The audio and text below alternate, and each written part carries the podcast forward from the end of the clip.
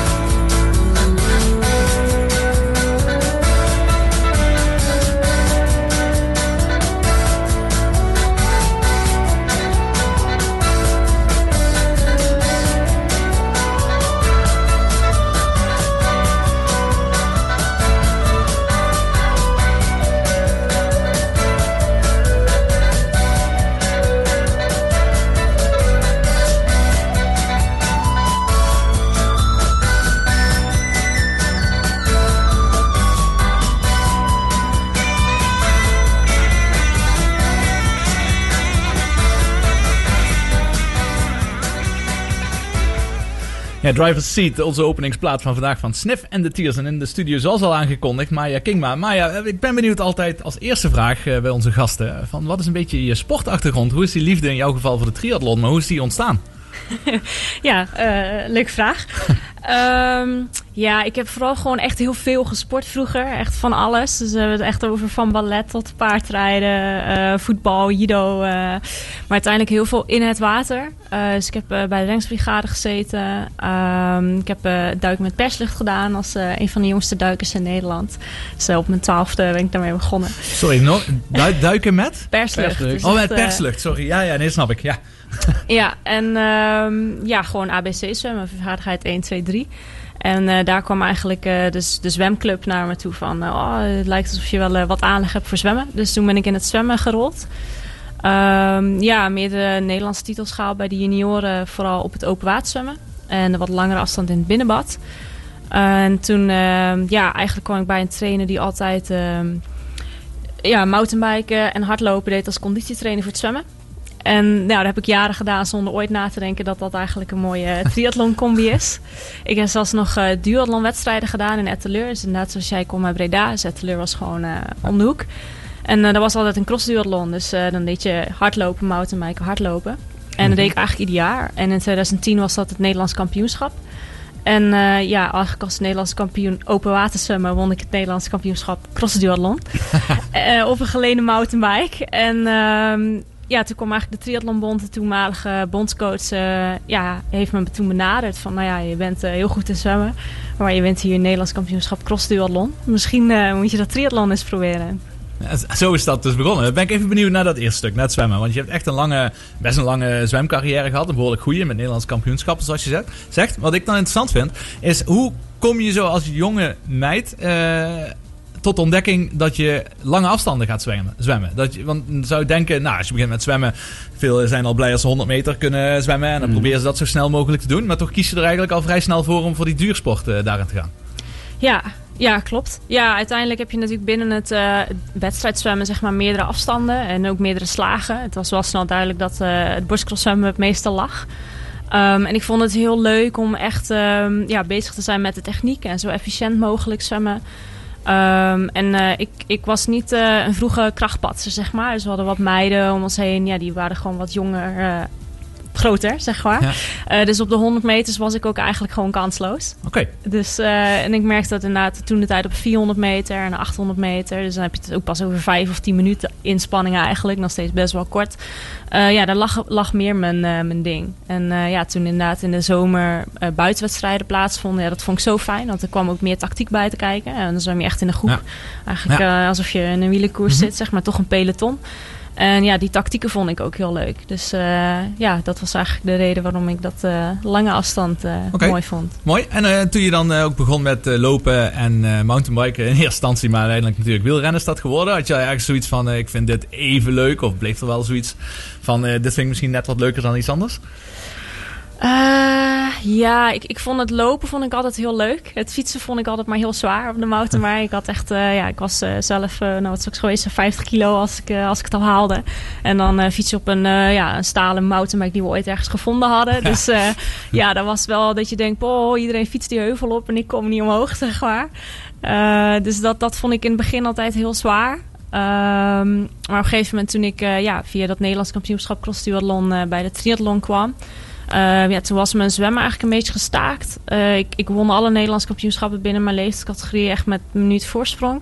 Dus dat vond ik niet zo leuk meer. Ik vind in de sport wil je toch die uitdaging ja. wel houden eigenlijk. En ja, toen kreeg ik bij de triathlon de kans om, uh, om internationale wedstrijden te gaan doen. En voor de zwemmen was ik daar nog te jong voor. Mm -hmm. dus ja, dat werd eigenlijk gewoon een nieuwe uitdaging. Oké, okay. mm -hmm. mooi. Maar lopen vond je leuk. Maar met lopen heb je eigenlijk de meeste blessures opgelopen. Ja. en toch leuk vinden. Ja, ja. Ik denk dat het vooral kwam toen deed ik het echt maar één keer per twee weken eigenlijk. Dus mm. het was echt een conditietraining. Elke zaterdag gingen we of mountainbiken of hardlopen. Dus ja, toen had ik uh, geen blessures. En begon eigenlijk pas toen ik in 2010 uh, ja, bij de Triathlonbond kwam. En, en er serieus hard gelopen moest worden, zeg maar. Ja, toen, uh, toen kwam dat wel. En dat komt ook denk ik echt omdat je uit, uit het zwemmen... Ja, heb je gewoon helemaal geen zwaartekracht, Mhm. ervaring. Je hebt geen idee. Als zwemmer lig je in, eh, in water en het is hartstikke zacht, zeg maar. Ja, en eh, met hardlopen heb je toch iedere keer dat je je gewicht eh, op moet vangen. Ja. ja. Ja, mooi. Ja, leuk hoe je daar eh, vandaan komt en uiteindelijk dan die keuze hebt gemaakt om eh, vol in die triathlon eh, te gaan. Misschien is die keuze ook wel een klein beetje voor je gemaakt. Doordat je van zoveel trainers eigenlijk te horen kreeg van hé, hey, dit doe je zo goed en je wordt zo makkelijk, de, de, de, hoe, hoe noem heet het ook alweer, de duathlon, cross, eh, Ja, de cross cross-duathlon. Ja, precies, dat je Nederlands kampioen wordt en vandaar was het misschien een logische stap. Zo dadelijk gaan we even echt verder in op die triathlon zelf. Daar heb ik echt wel veel vragen over, want voor mij is het ook best wel een nieuwe sport. Ik bedoel, we volgen alle sporten zoveel als mogelijk. Triathlon hoor je natuurlijk vrij weinig over, maar ik denk dat het echt een fascinerende sport is met alle verschillende onderdelen die erbij komen kijken en de tactieken en de technieken natuurlijk. En het mentaal gedeelte zal ook heel eh, belangrijk zijn. Dat doen we zo dadelijk na Phil Collins.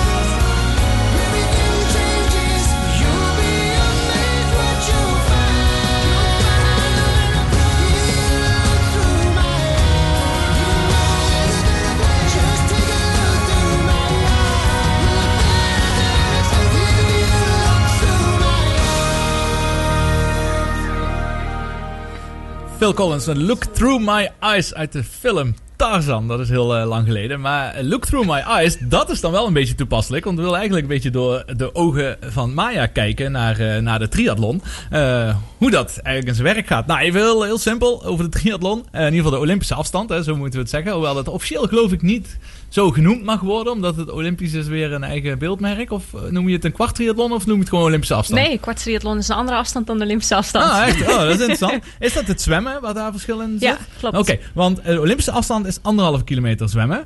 Ja, dat is 40 kilometer fietsen en 10 kilometer rennen. Oh, maar de kwart eh, triathlon is dan 1000 meter zwemmen. Ja, klopt. Ah, dus uh, anderhalve kilometer is in jouw voordeel. Ja. ja, precies. Want mogen, we, mogen we zeggen dat jij misschien de beste zwemster bent uh, in het internationale veld? Uh, ik denk uh, bij, bij zeker de drie beste, ja. Dat, ja. dat durf ik wel te zeggen. Oké. Ja. Nou, dan heb ik even wel slecht nieuws voor je. Want ik heb even wat onderzoek gedaan. Uh, want bij de Olympische Spelen, bij de laatste Olympische Spelen, nummer 1 tot en met 7, waren ook de nummer 1 tot en met 7 bij het hardlopen. Dus het zwemmen schijnt daar niet zo'n heel groot voordeel te zijn.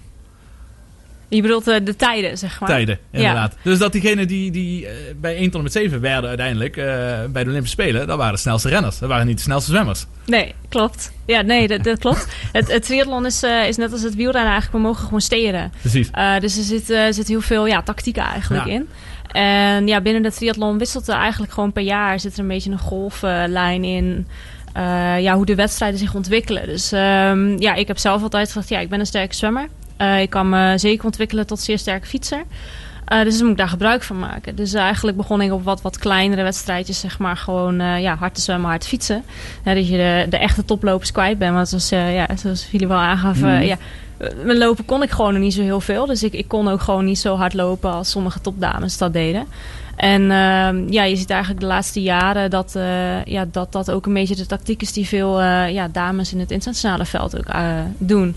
Dus meestal zijn we met, met ja, vier, vijf, soms zes dames. weten we gewoon, we kijken elkaar aan voor de stad. We weten oké, okay, wat we gaan doen. We gaan gewoon ja. hard zwemmen. En daarna zo snel mogelijk wisselen, die fiets op. En de eerste ronde eigenlijk volle bak rijden. Ja. ja.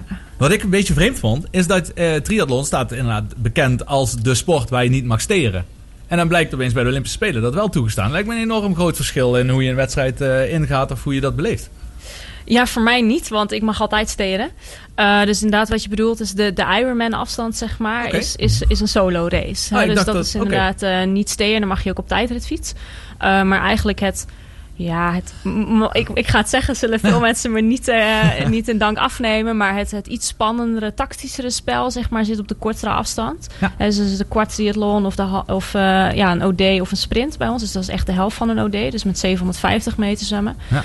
Oh, okay. Want daar zit gewoon veel meer tactiek in. Dus, Ja. dus heb je inderdaad, uh, ja, als je twee seconden langzamer wisselt, kan het dat je niet meer in de kopgroep zit. Ah. En die kopgroepafstand, dat kan zomaar een minuut worden. Zeg maar, heb je verloren op twee seconden. Terwijl Mhm. inderdaad op een Ironman afstand, ja, twee seconden. Ja, oké, Ja, fiets je dan wel weer eh, dicht of zo. Ja. ja. Hè, terwijl dat bij ons kan dat echt grote verschillen opleveren. Dus daar zat een misvatting eh, van mij. Dat jullie eigenlijk het hele jaar door al gewend zijn om, te om in een kopgroep eh, te functioneren en alles. Ja, nou, mooi. En dan kom ik inderdaad dan daardoor op mijn eh, volgende vraag. Daar ben ik super benieuwd naar. Hoe je inderdaad die tactiek eh, beleeft. Als je, als je eh, bijvoorbeeld jouw laatste wedstrijd. Wat was je laatste wedstrijd? Was het die World Cup in Hamburg? Ja, mijn laatste wedstrijd was dan weer een Ironman-wedstrijd. Ja, dus dat was een niet-steer-wedstrijd. Was dat die in Maastricht? Ja, klopt. Ja, oké. Ja. Maar je hebt ook aan de telefoon een keer gezegd dat die eigenlijk er niet toe doet in het... Nee, klopt. Nee, In- dat was gewoon een, eh, afstand, eh, nee, dat was gewoon een leuk toetje hier in ja, precies. Ja. Dat, dat is mooi. Maar je grote, laatste grote wedstrijd? ja, dat was de wereldbeker in Calvivari inderdaad. Aan de Dus, eh, was dat. Ja, Ja, oké. en dat eh, is een steerwedstrijd. Nou, dan vertel me eens eh, hoe zo'n wedstrijd verloopt. Hoe je die eh, zelf eh, meemaakt. Over de tactiek en hoe dat in de praktijk ook ging. Ja, Ehm ja, was van tevoren een beetje spannend. eh, want het was eh, super warm weer, zeg maar. Alleen het water was redelijk koud. Dus wij hebben een, een wetsuit, zeg maar. Dan mag je in zwemmen eh, als het water onder de 20 graden is. Eh, uiteindelijk werd het bij ons 19,9 graden. Dus dat betekende dat we in, eh, in, in wetsuit moesten starten. Eh, dat is eigenlijk voor alle zwemmers een, een nadeel. Dus als je een goede zwemmer bent, Ja. heb je minder voordeel van een wetsuit dan een slechte zwemmer. Ja, want je hebt meer drijfvermogen in een websuit. Een wetsuit. Ja, precies. Ja. Ja. En ook als je een goede zwemmer bent, dan zwem je waarschijnlijk veel meer op techniek. Dus ik ben ook echt een techniekzwemmer. Mhm. En ja, met, met een, een pak aan heb je gewoon minder watergevoel. Dus je bent ook een deel van je techniek kwijt. Eh, dus, dus dat was in mijn nadeel. Dus ik, eh, ja, dat, dat was al een onderdeel van de tactiek. Van ja, oké, waar ga ik dan staan? Hoe pak ik het zwemmen aan? Eh, ja, we hebben natuurlijk de coronacrisis ook, ja, had daar ook gewoon invloed op. Dus ik heb twee, drie maanden niet kunnen zwemmen vorig jaar. Dus mijn zwemmen was ook niet zo sterk als dat het normaal was. Ehm, dus eigenlijk ging die wedstrijd qua zwemonderdeel het minst goed. Dus ik geloof dat ik zelfs bij de top 10 misschien het water uitkwam, maar echt met een achterstand. Eh, ja, en wat er dan gebeurt is eh, ja, niet nadenken. Gewoon nog steeds zo snel mogelijk wisselen en eh, de fiets opspringen. En keihard fietsen. Sorry, hoe lang heb je ongeveer gezwommen? Of hoe lang zwem je normaal? Ja, rond de 18 minuten. Oké. Ja. Ja. Eh, dus ik zou nu niet durven zeggen wat de tijden toen waren. Nee, oké, maar, zo ongeveer rondom, dat is eh, wat je normaal zwemt. ja. Toen sprong je op de fiets? Ja, inderdaad. En eh, ja, ik wist dat het een zwaar parcours was. Dus dat is, dat is heel eh, voordelig. Dus we moesten eerst vanuit het meer zeg maar, naar de stad fietsen. En in de stad fietsten we dan eh, ja, meerdere keren een ronde, zeven keer geloof ik, met, een, met een, echt een, stip, een pittige klim erin. En eh, een technisch parcours met veel bochten. Ja, dat is in mijn voordeel, want ik ben een sterke fietser. Eh, dus daar wilde ik ook echt gebruik van maken. Dus ik heb eh, ja, gewoon eh, in eerste instantie niet omgekeken, gewoon keihard gaan trappen. En toen heb ik wat dames eh, bijgehaald. Ik heb er wat gelost. En uiteindelijk samen met één andere dame hebben we een beetje kop over kop gereden. Tot we eigenlijk aansloten bij de, bij de kopgroep eigenlijk. En er was één dame, was daarvoor, of twee eigenlijk in eerste instantie waren er weg. Eentje moest lossen, dat was de voormalige wereldkampioen. En die kwam dus bij ons in de groep. En ehm, ja, mijn tactiek was toen gewoon, ik voel me super sterk op de fiets. En ik zie dat anderen het zwaar hebben. Dus dan moet ik eh, harder doortrappen. Ja. Ja, en, eh, en dat heeft me eigenlijk eh, met het lopen ja, echt een mooie race opgeleverd. Omdat eh, ja, ik kwam eigenlijk redelijk fris van de fiets. Terwijl andere dames zelfs gelost waren of zelfs uitgestapt Ja. waren na het zware fietsen. Zit je op een tijdrijfiets? Nee, want we mogen Oké. steden. Dus het is Ja, echt gewoon dan een... vroeg eh, ik me al af. Dan heb je, is dat voordeel natuurlijk weg. Ja. Dus je fietst altijd op eh, gewoon eh Ja. renfietsen? ja, we mogen niet eens eh, op Ah, een... oké. eh, nee, dus we hebben eigenlijk gewoon eh, ICI-regels Ja. voor ons ik dacht fietsen. misschien zou het extra tactiek kunnen zijn als je de beste zwemmer bent. Dan, en je komt als eerste uit water. Is een tijdrijfiets misschien het voordeel als je alleen moet fietsen. Maar, ja, nee, klopt. Maar dat mag Nee, niet. Dus het enige wat we mogen is een klein opzetstuurtje. Dus niet echt een lichtstuur, maar een kleintje. Dus die mogen eigenlijk niet eens voorbij de handlebars van het stuur komen. Dus dat is echt eh 10 Ja. centimeter of zo. Hè. Is niet, eh, maar het, is iets aerodynamischer wellicht. Mhm. Ehm, heb ik er niet op gezet, want het was eh, een technisch parcours en eh, Ja. met een klimmetje erin. Klim, ja, precies. Ja, dus dat eh, was niet heel voordelig. En ehm, ja, met lopen was het gewoon nou ja, kijken wat, er wat er kon. En dan ja, vooruit blijven kijken. En ik had inderdaad de week daarvoor was het wereldkampioenschap in Hamburg. En dat was een sprintwedstrijd. Helaas ook met wetsuit. Ehm, maar toen zat ik ook gewoon in de kopgroep. En ja, toen liep ik eigenlijk in mijn achterhoofd nog een beetje voor de top 6. Eh, dus dat ja, is eh, de Olympische kwalificatienorm eigenlijk in Nederland in ieder geval. Eh, dus dat was heel erg mijn doel. En ja, dat had ik behaald. En toen dacht ik in Calavivari, ik ga er gewoon alles op zetten en ik zie het wel. Ja. En op een gegeven moment liep ik op de vierde plek. En toen begreep ik wel van eh, wat mensen, ja, eh, toeschouwers eigenlijk, dat, eh, ja, dat die, dat podiumplekje er misschien nog wel in zat. Oké. Dus eh, ja, dan is het gewoon loop voor wat je waard bent. Ja. Mhm. En liep je toen redelijk alleen of, heb je, of liep je ook in een groepje toen? Ehm, in eerste instantie liep ik in een groepje. En uiteindelijk eh, ja, ben ik daarvan weggelopen. En was het eigenlijk eh, verder naar voren lopen. eh, ja, richting, eh Ja, richting is er echt zo'n demarrage of, of gebeurt dat gewoon omdat ze je niet bijhouden? Ehm, nee, ik heb op een gegeven moment één iemand ingehaald. Dat heb ik echt als demarage-achtig iets gedaan. Inderdaad, dus dat was de, toen die du- toen op plek 3 liep. Daar ben ik wel echt, toen dacht ik, oké, ik moet hier hard voor mij lopen. En dat ze niet meer aan kan haken. Mhm. Hè, dus dat wel inderdaad op die manier. En de andere was ehm, meer kijken van... oké, ik blijf gewoon in ieder geval bij dit groepje. Maar ook het, het loopparcours was met heuveltjes en bochtjes. En op een gegeven moment dacht ik... ja, maar ik kan hier harder dan dit, zeg maar. Dus toen ben ik dat ook maar gewoon gaan Ja. doen. Die, Maar zo sorry. te horen, denk je veel onder het, eh, tijdens de wedstrijd. Ja, Ja, ja, klopt. Anders, ja. hoor je ook niet van iedereen. Lijkt mij juist de sport hoor, waar je juist de tijd hebt om veel na te denken over je tactiek en wat ga ik doen. eh, lijkt me inderdaad mentaal ja, of tactisch is ook wel inderdaad heel erg eh, essentieel. Ja, ja zeker essentieel. Ja, je hebt niet altijd heel veel tijd om na te denken. Dus Ja. ik denk vooral heel... Ja, ik denk eigenlijk bijna alle scenario's die ik kan bedenken... denk ik voor de wedstrijd Ja. al door. Oké, wat ga ik doen op dat moment als dit gebeurt? Of als ik me zo Mhm. voel? eh, wat wil ik op die plek doen, zeg maar? Op die plek ga ik eten of drinken. Dus dat... eh, ja, de, omdat het is juist een hele ja, tactische, snelle wedstrijd is eigenlijk. We zijn wel twee uur bezig. Maar ja, fietsen 40 kilometer, dat is zo voorbij. Dus eh, ja... Is zo Ja, voorbij. Ja, voor- voor hun wel. Ja, precies. Ik Natuurlijk. heb- Ja. Ja, inderdaad. Ik ga er niks over zeggen verder. Hoe snel dat voorbij is. Maar eh, oké, je zei in Carlo Vivari heb je, had je een flinke klim eh, erin zitten. Is, er, is het meestal eh, dat er veel eh, klimmen is eh, bij het fietsen, bij het lopen? Of is dat echt totaal verschillend? Uh, in principe is het verschillend, maar wat we wel vaak hebben is ook gewoon omdat het natuurlijk spectaculairder is om te kijken, zijn vaak criteriumrondjes. Het zijn meestal drie, vier kilometer rondjes. Ja. Uh, ja, waardoor het in een grote stad eigenlijk bijna altijd technisch wordt. En uh, ja, vaak zit je in het buitenland, dus dan heb je er toch al wel uh, wat hoogteverschil in zitten. Dus, ja. Nou, mooi. Interessant, hè? Ja, Leuk. absoluut. Hoe je dat... Maar zit er een gedachte achter die, die afstanden? Of, of hebben ze dat ooit een keer op een terrasje besloten, s'avonds van morgen gaan we anderhalve kilometer zwemmen, uh, 40 kilometer fietsen en 10 kilometer hardlopen? Ik vind dat wel een mooi verhaal, gewoon op het terrasje. Maar nee, ik denk dat het uit, uit, uh, ja, oorspronkelijk komt het vanuit de, de Ironman op Ja. Hawaii, zeg maar. Dus Ja. dat is de hele afstand.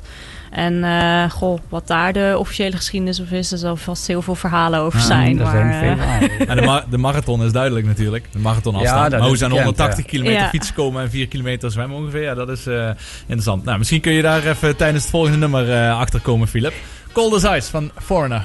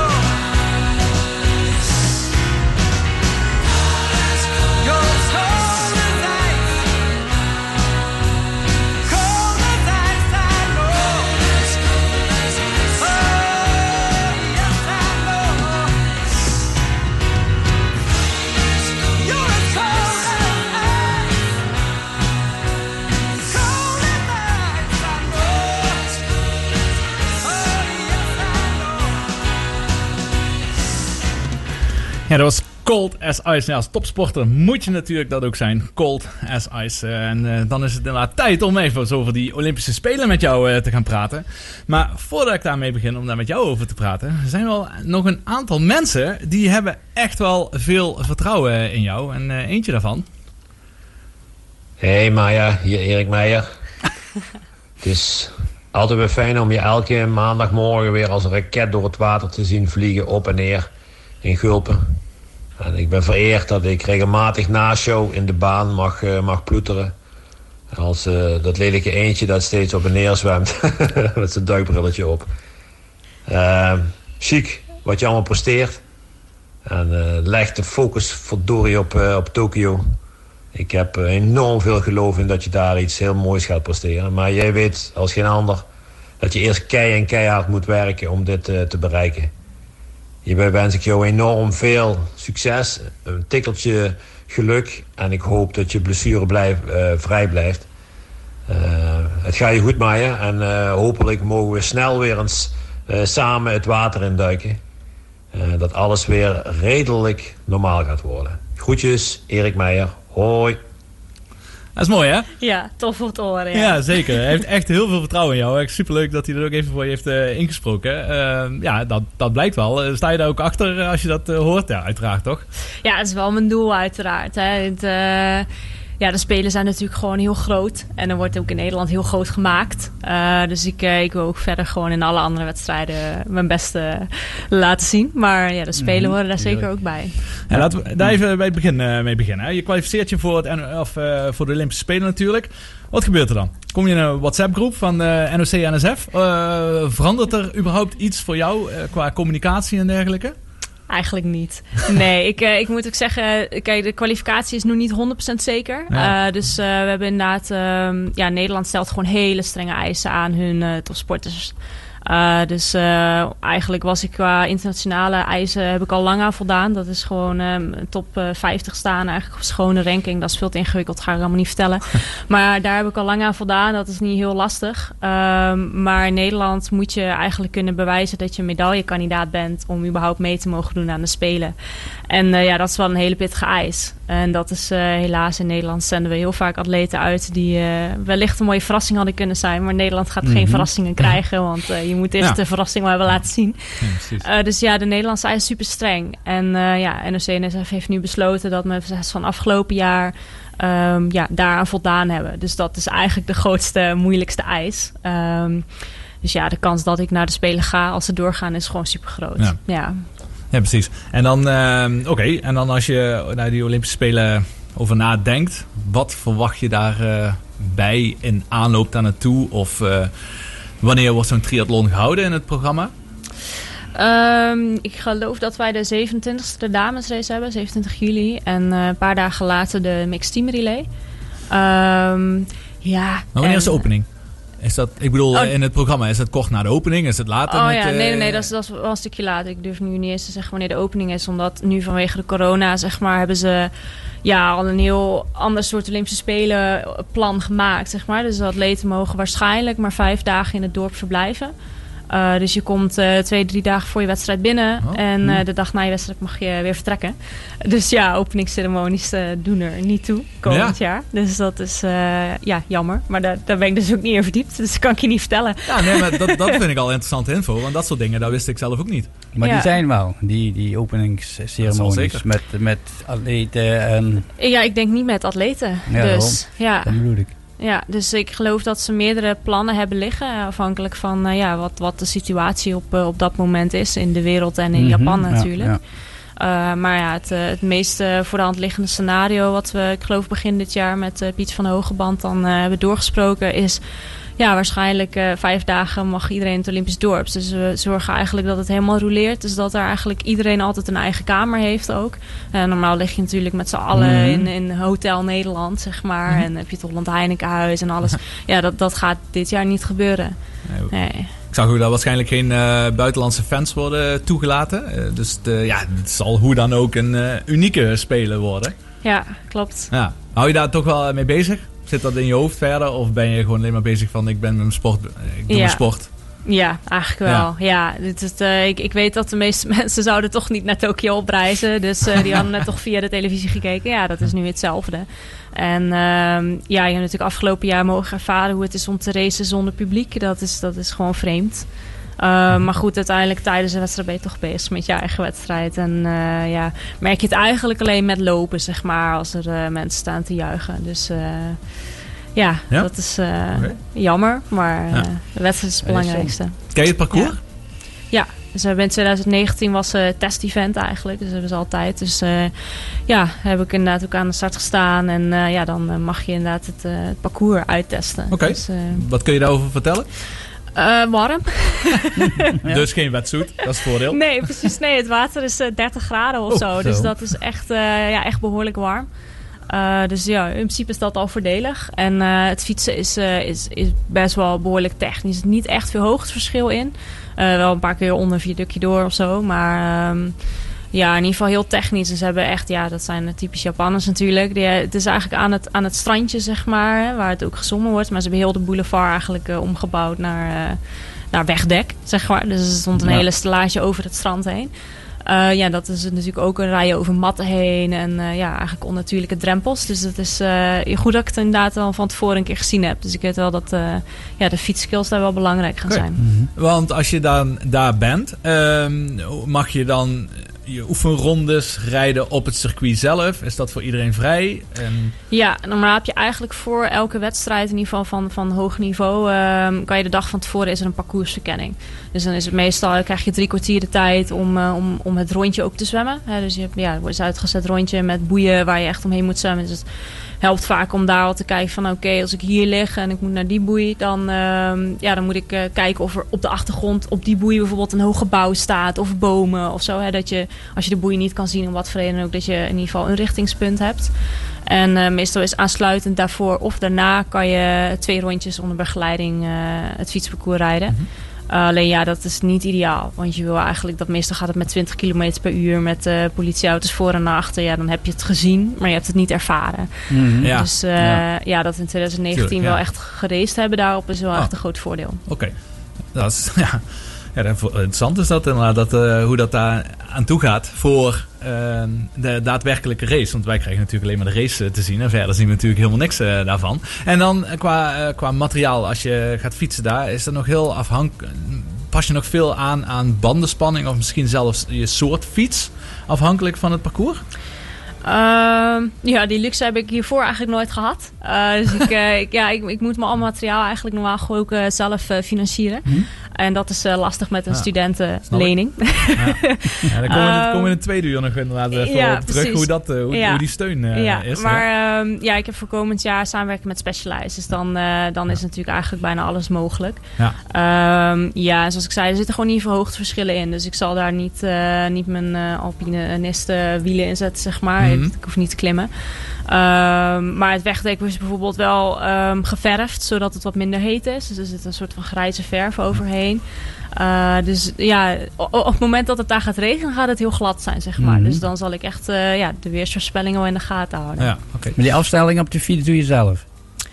Dus eh, banden wisselen, weet ik veel. eh, Ja. ja, Alles. Ja, dus heb je dus ook geen mechanicien of zoiets Nee. wat meegaat. nee, hebben we niet. Nee, dus ik heb het geluk dat ik nu een vriend heb die daar ook heel veel van weet. Dus vroeger... Is ook wielrenner, hè? Ja, Ja. precies, ja. Dus, eh, dus dat, eh, dat helpt. Maar ik, ja, ik heb dat vroeger ook gewoon eh, mezelf geleerd, zeg maar. Ook gewoon cassettes, eh crank vervangen. Ja, dat, eh, dat eh, dien je te doen, ja. Ja, wat goed. En eh, in de aanloop daar naartoe, eh, met je trainingsschema. ehm, want je doet natuurlijk altijd periodiseren. Je gaat naar een piek eh, toe werken. Is het nu al begonnen dat je richting die piek gaat werken? Of is dat een te lange periode voor een triatleet? Ja, dat is natuurlijk lastig. Uiteindelijk ben ik al vijf of tien jaar bezig met, eh, met voorbereiden. Ehm, wat nu gewoon de focus is, is ehm, bouwen. Dus ik, ik maak gewoon elke week, probeer ik gewoon die 25 uur eh, te bouwen. En ehm, eigenlijk binnen die drie weken bouw je het wat op met de laatste week wat meer intensiteit. En ja, richting het wedstrijdseizoen wordt dat iets meer. En zal ik iets meer wedstrijdspecifieke dingetjes gaan doen. Ehm, maar ja, uiteraard ligt de, de grootste focus met hopelijk hoogtestage en zo ligt op te spelen. Ehm, Maar ik hoop dat daarvoor nog wat wedstrijden komen. En dan moet ik eerst gewoon daar goed zijn. Oké.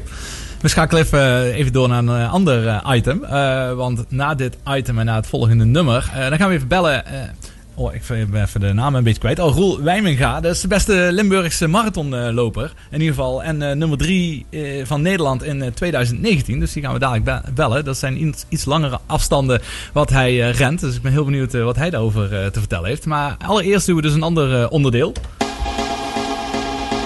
De gastplaat. Ja, dat is jouw eh, gastplaat. Eh, dan ben ik benieuwd wat jouw verhaal is bij deze plaat en eh, waarom. Ja, ja eh, ik, was, eh, ik was 17 en eh, ik had ja, junioren WK gedaan en dergelijke. En de toenmalige bondscoach was een Nieuw-Zeelander eigenlijk in Nederland. En ehm, die, die zag gewoon dat ik met zwemmen eh, bij de elite top eigenlijk waarschijnlijk mee kon. Ehm, en we hebben altijd een, een, eigenlijk een van de grootste WTS-wedstrijden zijn in Hamburg. En dat is eh, niet duur, want dat is eh, redelijk dichtbij. Mhm. En ik heb op een change eigenlijk mocht ik als junior ja, echt op het allerhoogste niveau triathlon die wedstrijd doen. En dat was in 2013. En toen was dit liedje net uit, denk ik. En eh, dat, dat speelden ze vlak voor de start. Dus ik liep daar echt als eh, heel klein, onzeker meisje eigenlijk van... ik heb geen idee wat ik moet doen vandaag.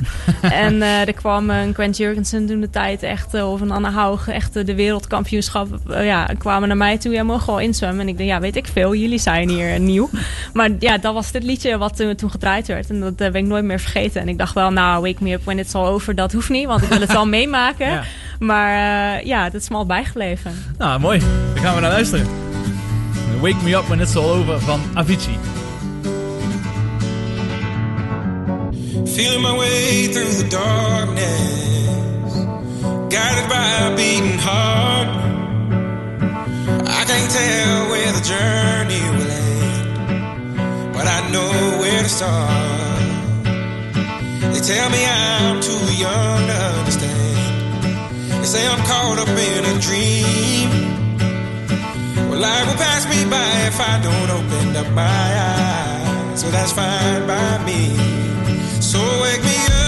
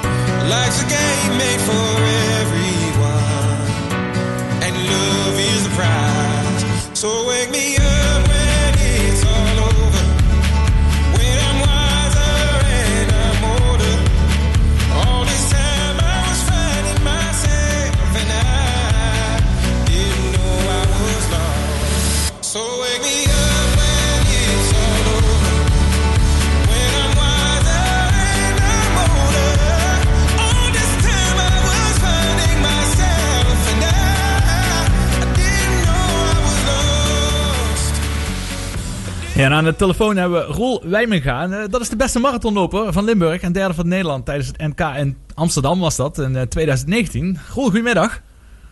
Goedemiddag. Nou, mooi dat je even mogen spreken en dat je inbelt eh, bij ons. Eh, ik ben eerst benieuwd, wat is jouw connectie eh, met Maya?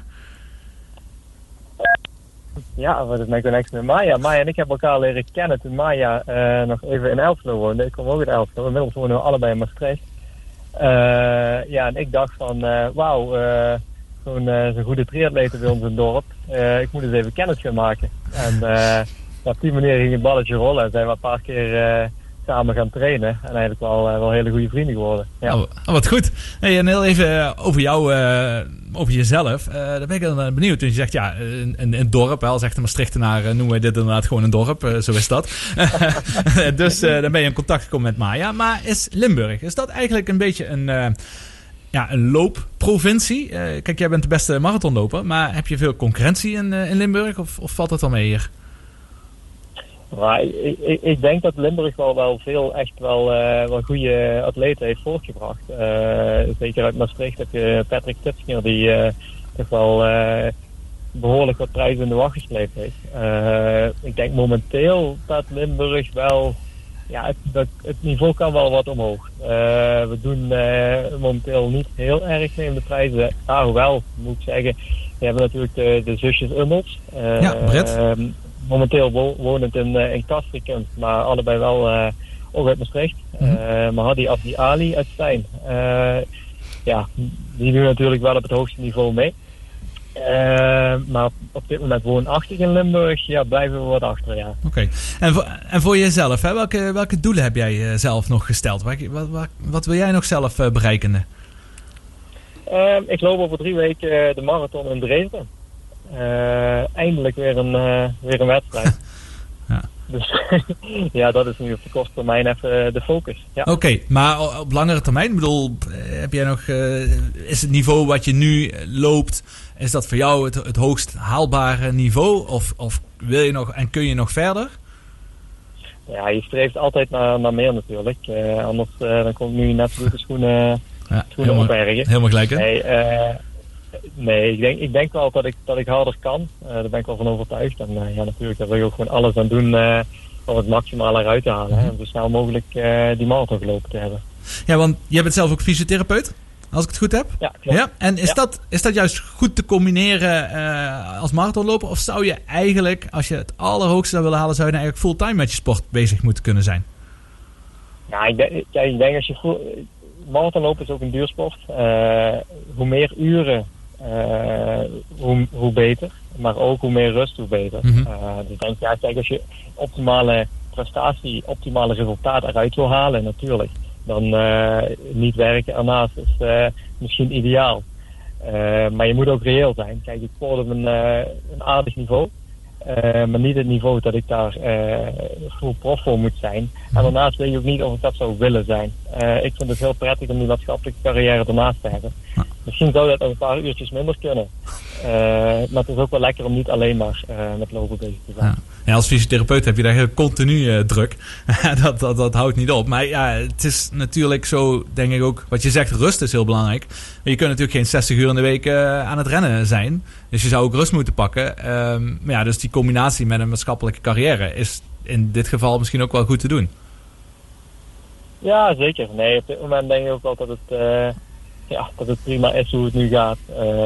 Inderdaad, als ik nog ergens winst zou kunnen pakken op dit moment, zijn het inderdaad de rustmomenten. Ja. Die er nu gewoon vaak niet van komen. Maar eh, Mhm. ik, zie, ik kan gewoon eh, genoeg trainingen doen om een, eh, een prima marathonvoorbereiding te draaien. Ja, oké. Hey, en Maya, als jullie samen trainen of lopen, natuurlijk een verschillende di- andere discipline qua afstand. Maar waarin eh, helpen jullie elkaar of versterkt dat?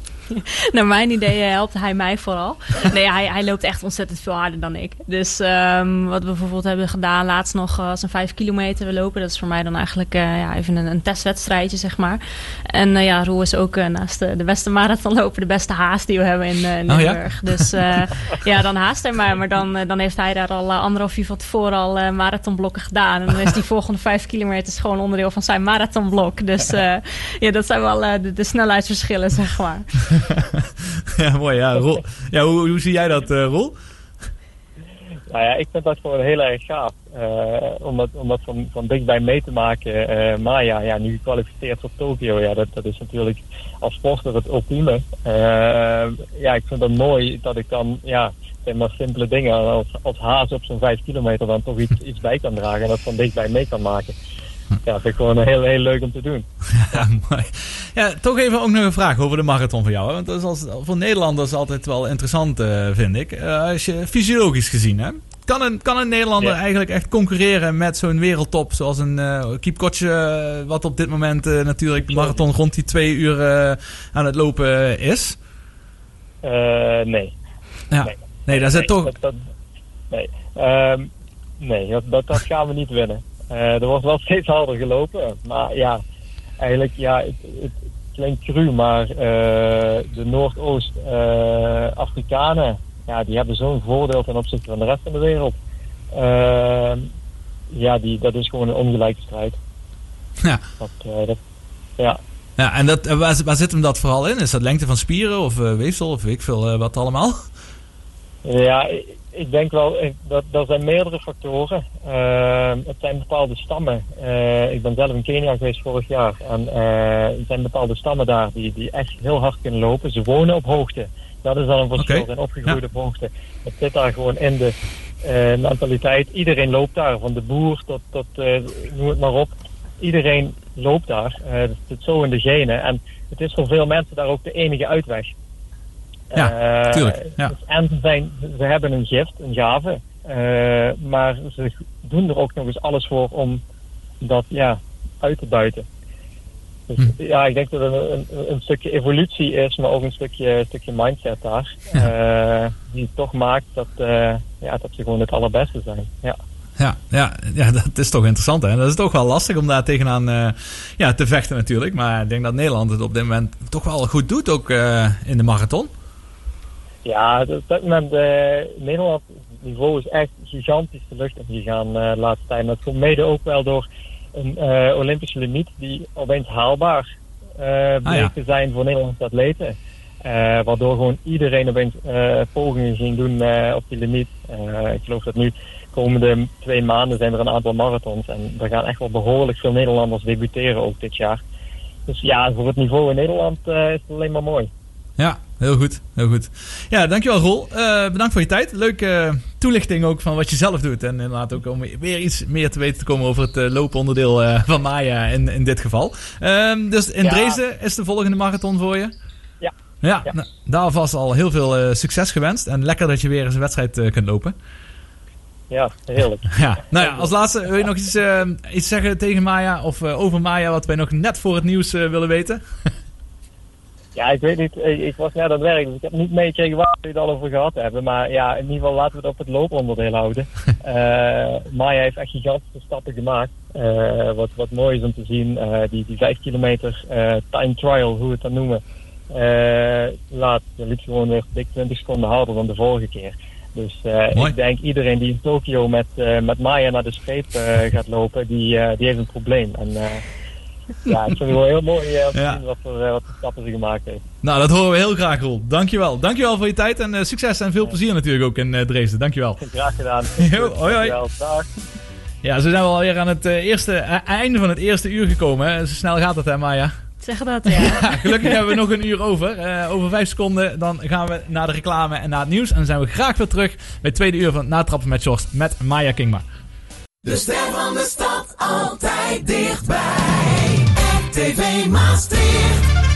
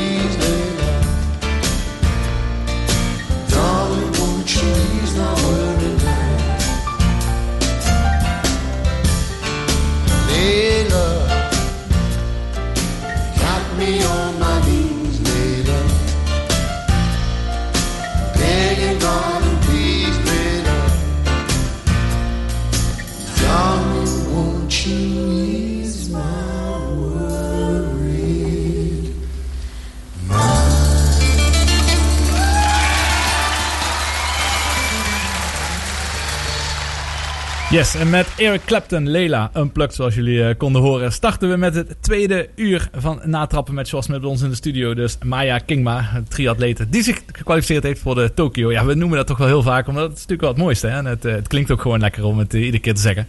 Nou, het tweede uur, we zitten ongeveer op de helft. En dat is dus voor jou, wat ik net begrepen heb, bij een gemiddelde triathlon is dat ook de duur, hè? Twee uur. Dus je zit Ja. op de helft. Dus de sprint van jou, die gaat er nog, nog aankomen, zelfs ook nog. We gaan het even hebben over eigenlijk materiaal in het algemeen. Maar ook daar heb ik toch wel weer een kleine verrassing eh, voor je eerst. Hallo Maya, met Jan van Lopers Company Maastricht. Hoi meid, hoi. Maya, we kennen elkaar al enkele jaren. Vele gesprekken met elkaar gehad uiteraard. Eigenlijk, ik ben ook wel trots om jouw carrière van de zijlijn te mogen bewonderen. Ik weet waar jij vandaan komt. Ik ken je ups en downs. En ik weet ook nu waar jij allemaal toe in staat bent.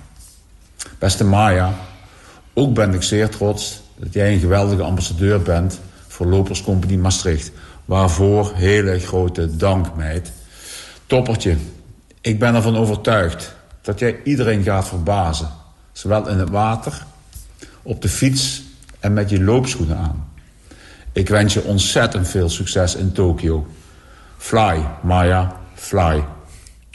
Ja, Jan Smeet, daar heb je natuurlijk ook veel mee van doen. Ja, Ja, super tof. Ja, mooi. Ja, goed. Ik vind het zo mooi dat iedereen zo enthousiast en positief over je spreekt. Daar kan ik natuurlijk ook alles eh, bij voorstellen inmiddels. Eh, even over die eh, ontwikkeling en evolutie in de sport, maar ook in het materiaal. Daar is veel over te doen, hè? Ook in de atletiekwereld. Heb ik nog even een heel klein fragmentje over schoenen in het algemeen, wat nu in de atletiek veel wordt gebruikt.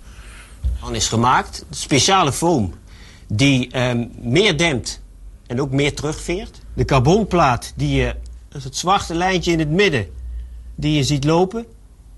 Die dan eigenlijk nog een extra eh, buiging en terugvering ook verzorgt. En de vorm van die carbonplaat is ook niet gewoon recht, maar ook nog gebogen. Waardoor het afwikkelen naar de teen toe ook makkelijker gaat.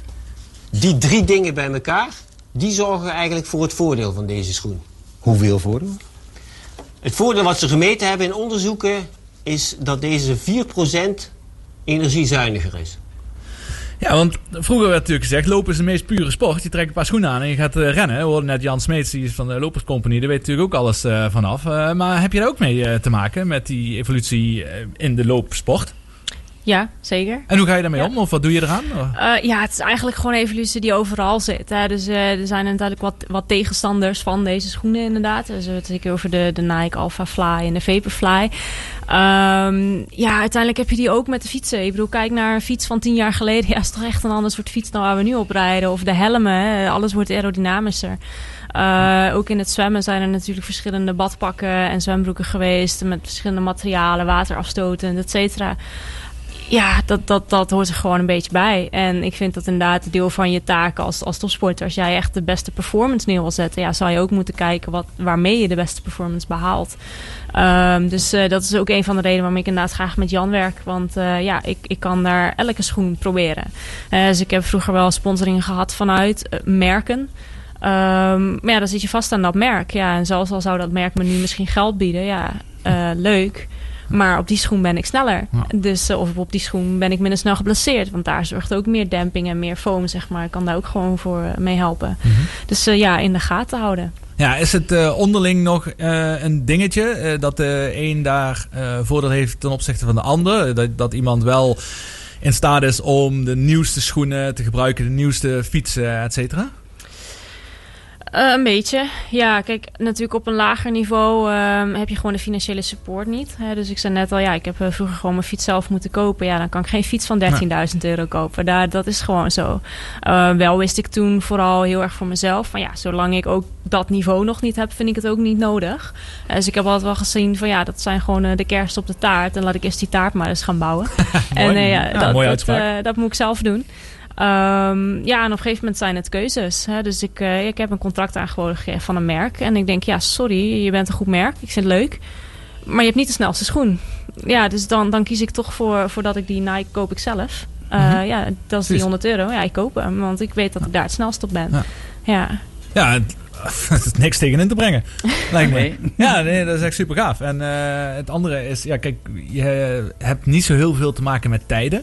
Hè, omdat eh, dat je natuurlijk in een groep eh, ja, fungeert en je moet gewoon zorgen dat je als Ja. eerste over de streep komt. Dus er komt meer tactiek bij kijken dan dat je gewoon zelf eh, individueel een tijd neer, neerzet. Ja, zeker. Ja, dus in dat opzicht ja, moet je daar natuurlijk ja, altijd het beste materiaal wil je natuurlijk, wil je natuurlijk zeker, zeker hebben, ja. ja.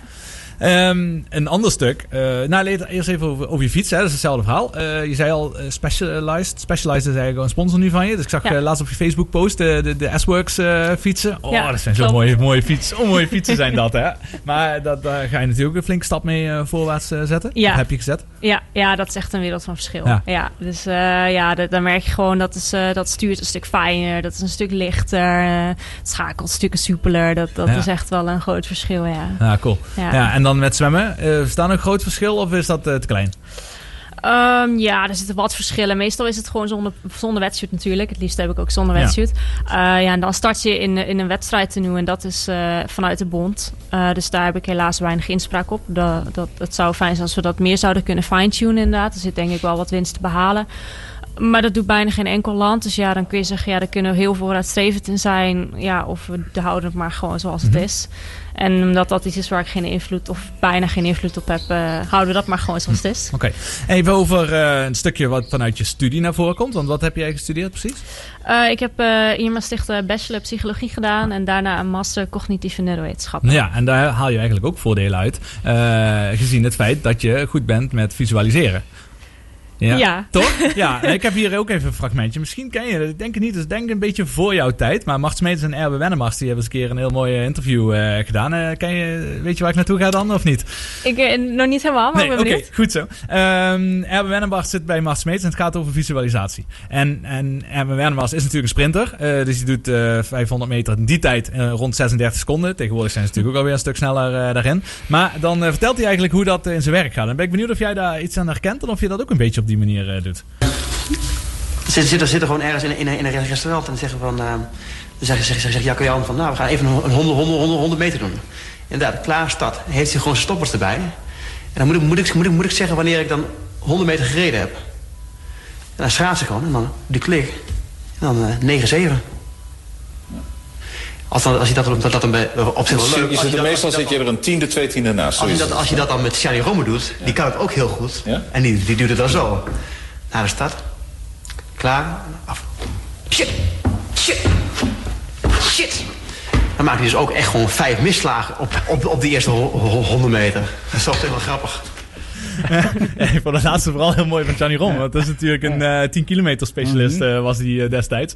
Maar eh, ik vond dit, vond dit nog steeds wel een heel mooi fragment. Maar is dat ook een beetje hoe het bij jou eh, gaat? Ik denk niet dat je twee uur lang een wedstrijd gaat visualiseren. Nee, dat niet. Maar ik moet wel, ik moet wel bekennen dat ik, dat ik het wel een heel klein beetje herken. Eh, dus eh, ik, ja, ik visualiseer sowieso de wedstrijden. En eh, zoals ik daar straks al zei, eh, ja, ook, ook eh, mogelijke scenario's en tactieken. En eh, ja, op welk moment van het parcours ik wat wil gaan doen. Ehm, maar ook van tevoren bijvoorbeeld eh, de zwemstart, de wissels. Hè. Je, moet, eh, ja, je moet eigenlijk binnen 10 seconden eh, je wedstrijd uittrekken. Je, je badmutsbril af, eh, je helm op, je, je fiets pakken en wegrennen op je fietsstringen, zeg maar. Dus ja, dat zijn allemaal wel echt cruciale momenten. En die probeer ik inderdaad wel helemaal te doorlopen. En ik heb inderdaad ook wel eens met zwemmen. Ja, dat is ook een hele technische sport. Dus ik heb wel eens gestart met ja, gevisualiseerd. En dan denk ik, shit. Ja, oké, nu mis ik mijn slag, zeg maar. Dat, eh, ja, dus ja, heel herkenbaar. Ja, ja, ik herken het ook trouwens. Tenniswedstrijden, eh, tennisrallies, Oh, deed ik ja. ook veel visualiseren. En dan wou ik echt vaak dat ik gewoon een fout maakte hoor. In mijn visualisatie. Omdat ik, dat ik die bal gewoon niet in de goede hoek speel. En dat ik dan eh, de rally het initiatief weggeef. Dat is toch raar eigenlijk. Want als je het zou visualiseren, zou je eigenlijk denken, dan gaat alles goed. Ja. Maar toch werkt het op de een of andere manier niet zo. Jij, jij hebt het Ja. gestudeerd, ik niet. Dus misschien heb jij er een beetje een verklaring voor hoe dat ook kan. Dat je zelfs fouten maakt in je visualisatie. Ja, ik denk ook gewoon omdat dat is wat, wat we doen. Hè? Dus het, ja, het gaat ook nooit altijd helemaal perfect of zo. Of je hebt heel veel ervaring met dat het wel eens fout kan gaan. En ik neem me dat ook wel vaak bewust nog mee in mijn visualisatie. Dus ja, stel dat ik bij de boeien ondergetrokken word. Of eh, ik mis eh, wel mijn wissel. Of ik mis de kopgroep. Wat ga ik dan doen? Ja, op het moment dat je bijvoorbeeld lek rijdt, wat ga je doen? Ja, je moet er ja, eigenlijk van tevoren het beste maar zo goed mogelijk over nadenken. En dan hoef je dat tijdens de wedstrijd niet meer te doen. Dan heb je er geen tijd meer voor. Maar kan dat ook iets te maken hebben met faalangst? Dat je hebt een negatieve faalangst, om fouten te maken hebben. Je hebt een positieve faalangst. Dat je steeds beter wil worden. Eh, ja, ik, ik, durf, ik durf te zeggen dat ik met, met de sporten geen faalangst heb. Eh, maar ik weet wel dat het heel erg helpt met zenuwen bedwingen, inderdaad. Hè? Dus als je voor de start eigenlijk geen idee hebt waar je aan gaat beginnen, ja, ja dan, dan ben je gewoon Ja. zenuwachtig natuurlijk. Ja. Hè? Maar als jij inderdaad een presentatie moet houden, komt natuurlijk ook gewoon in het bedrijfsleven naar voren. Ja, het is wel zo fijn als je af en toe die presentatie een beetje doorgenomen hebt. En je Mhm. een idee hebt wat je gaat doen als je daar op het podium komt te staan. Ja, ja, precies. Dat is het helemaal. Dat is echt super goede voorbereiding inderdaad. Om het in je hoofd al een aantal keer gedaan te hebben.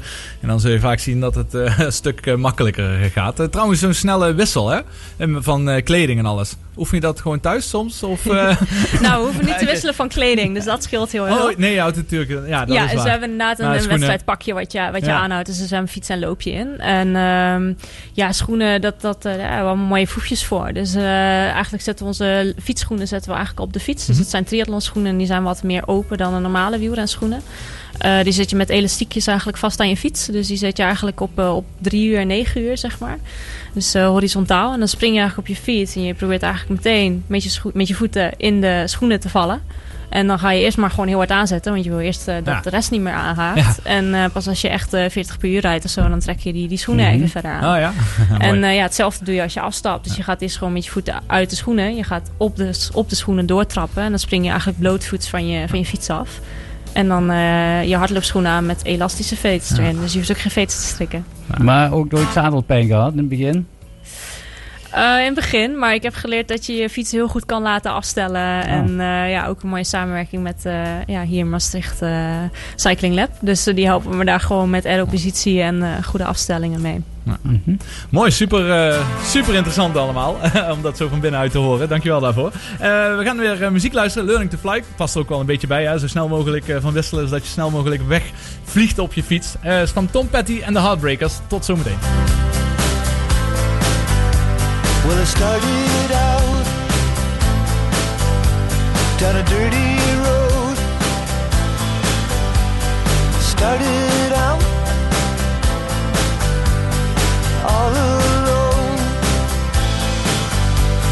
The sun went down as I crossed the hill, and the town lit up. The world got still. I'm learning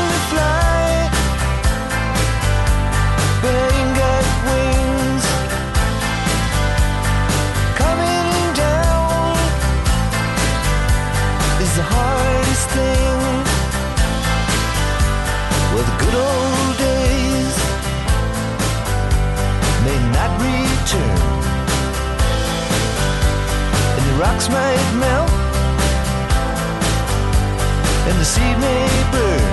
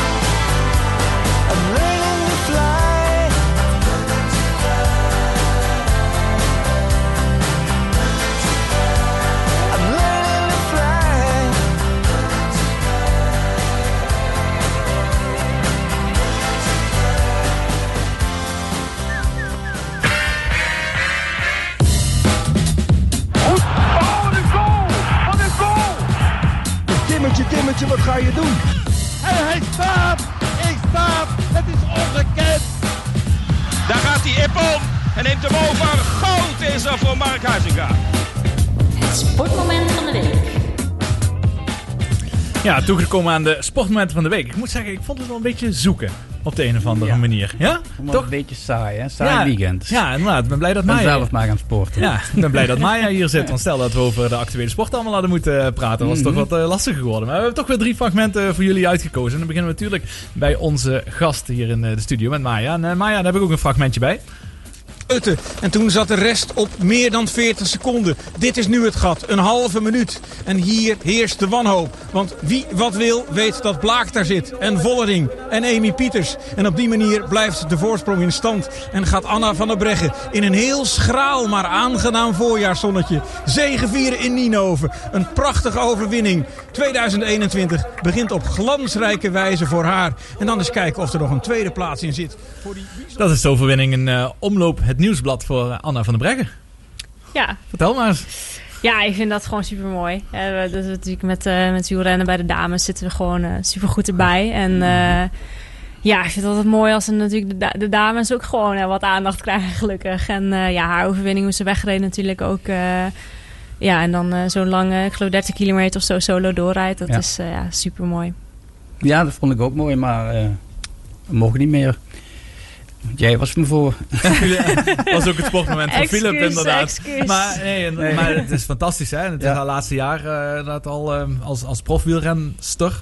Eh, ja, er zit ook geen maat op die Nederlandse dames. Maar eh, krijg je daar zelf iets, iets van mee, eh, persoonlijk? Dat je hun als tegenkomt? Of, eh, of is dat echt totale andere Ja, wereld? niet zozeer. We hebben vroeger vanuit Team NL, zeg maar, toen het allemaal nog mocht, probeerden ze wel wat dingetjes te organiseren. Eh, ze zijn bijvoorbeeld volgens mij bij het WK BMX, zeg maar, was toen op Papendal een paar jaar geleden. Dus dan hadden we wel wat eh, Team NL meet, zeg maar. Ehm, ja, normaal sportgala kom je elkaar wellicht Ja. tegen. Ja, dat, dat hebben we allemaal niet gehad de afgelopen jaar. Eh, maar Louis Delhaye is mijn trainer. En ja, dat is ook de trainer van Annemiek van Vleuten en Marianne Vos. Oké. Ehm, dus ja, de- dan, dan zit je er weer iets dichterbij wel. Mhm. ja. Ja. Is het voor jou nog interessant, behalve dat het je inspireert? Ehm, ja, ik, ik, ik vind het natuurlijk gewoon... Ja, mijn sport bestaat ook grotendeels uit wielrennen. Dus eh, ik, ik, zou, ik zou ook heel graag eh, willen, willen koersen, zeg maar. Ja. Mhm. ik, eh, ja, dat zou ik heel graag een keer willen doen. Dus ik vind dat ook heel tof eh, ja, om dat te zien. En eh, om, ja, om hen, hun verhalen te horen. En eh, ja, ook eh, te zien hoe zij met allerlei dingen omgaan. Ja, maar kun je ook nog iets eraan eh, zien hoe zij zich opstellen in een peloton of zo? Of eh, tactiek? Ja, tactiek is wel een anders, want ze fietsen natuurlijk een veelvoud van eh, wat jullie onderdeel bij het fietsen is. Ja, klopt. Ja. Maar ja, je, je leert er zeker wat van. Ja. Hè? Dus eh, ja, dat is toch altijd een bepaalde tactiek. En ehm, ik heb er zeker afgelopen jaar ook veel met mijn vriend over gehad. Van ja, hoe doe je dat dan? Demareren en zo. hè. Ja. Dus eh, ja, zeker nu ik eigenlijk gewoon een van de sterkste fietsers ben in het wereldcircuit, eh, moet ik daar ook gewoon leren gebruik van te maken. En dan kan je dan beter nog op een slimme manier doen. Mhm. Dus eh, ja, dan, Ah, eh, dan helpt het wel. Nou, heel leuk. En... Maar heb je de dag daarna ook van de poel gezien? Ja. Wat vond je daarvan eigenlijk? Van een, op 80 kilometer proberen alleen weg te gaan daar. Ja, lef. Ja, Ja. ja. dat, dat, ja soms win je, soms verlies je. Ja, dat, dat heb je er natuurlijk een beetje bij. En natuurlijk dacht je van ja, ja, jammer, gemiste kans een beetje. Maar ja, voor hetzelfde geld dat het wel gelukt. Soms lukt het wel, soms lukt het niet. Dus eh, ja, dat maakt de sport, denk ik. En ze kwamen Ja, ja. drie kilometer tekort, eh kwamen ze ongeveer. Ja. helaas. Dus eh, inderdaad. Ja, eh, het volgende fragment, die, is, eh, die is voor Philip. En eh ik ga je ook even mooi in beeld zetten, Philip. dat is voor onze kijkers via de website, via de stream. ja, eh, zo is dat. Eh, maar eigenlijk begin ik toch even hier ook bij Maya, want wij weten allebei het antwoord. Maar ik ben benieuwd of jij dit geluid eh, herkent. Wat is dit geluid?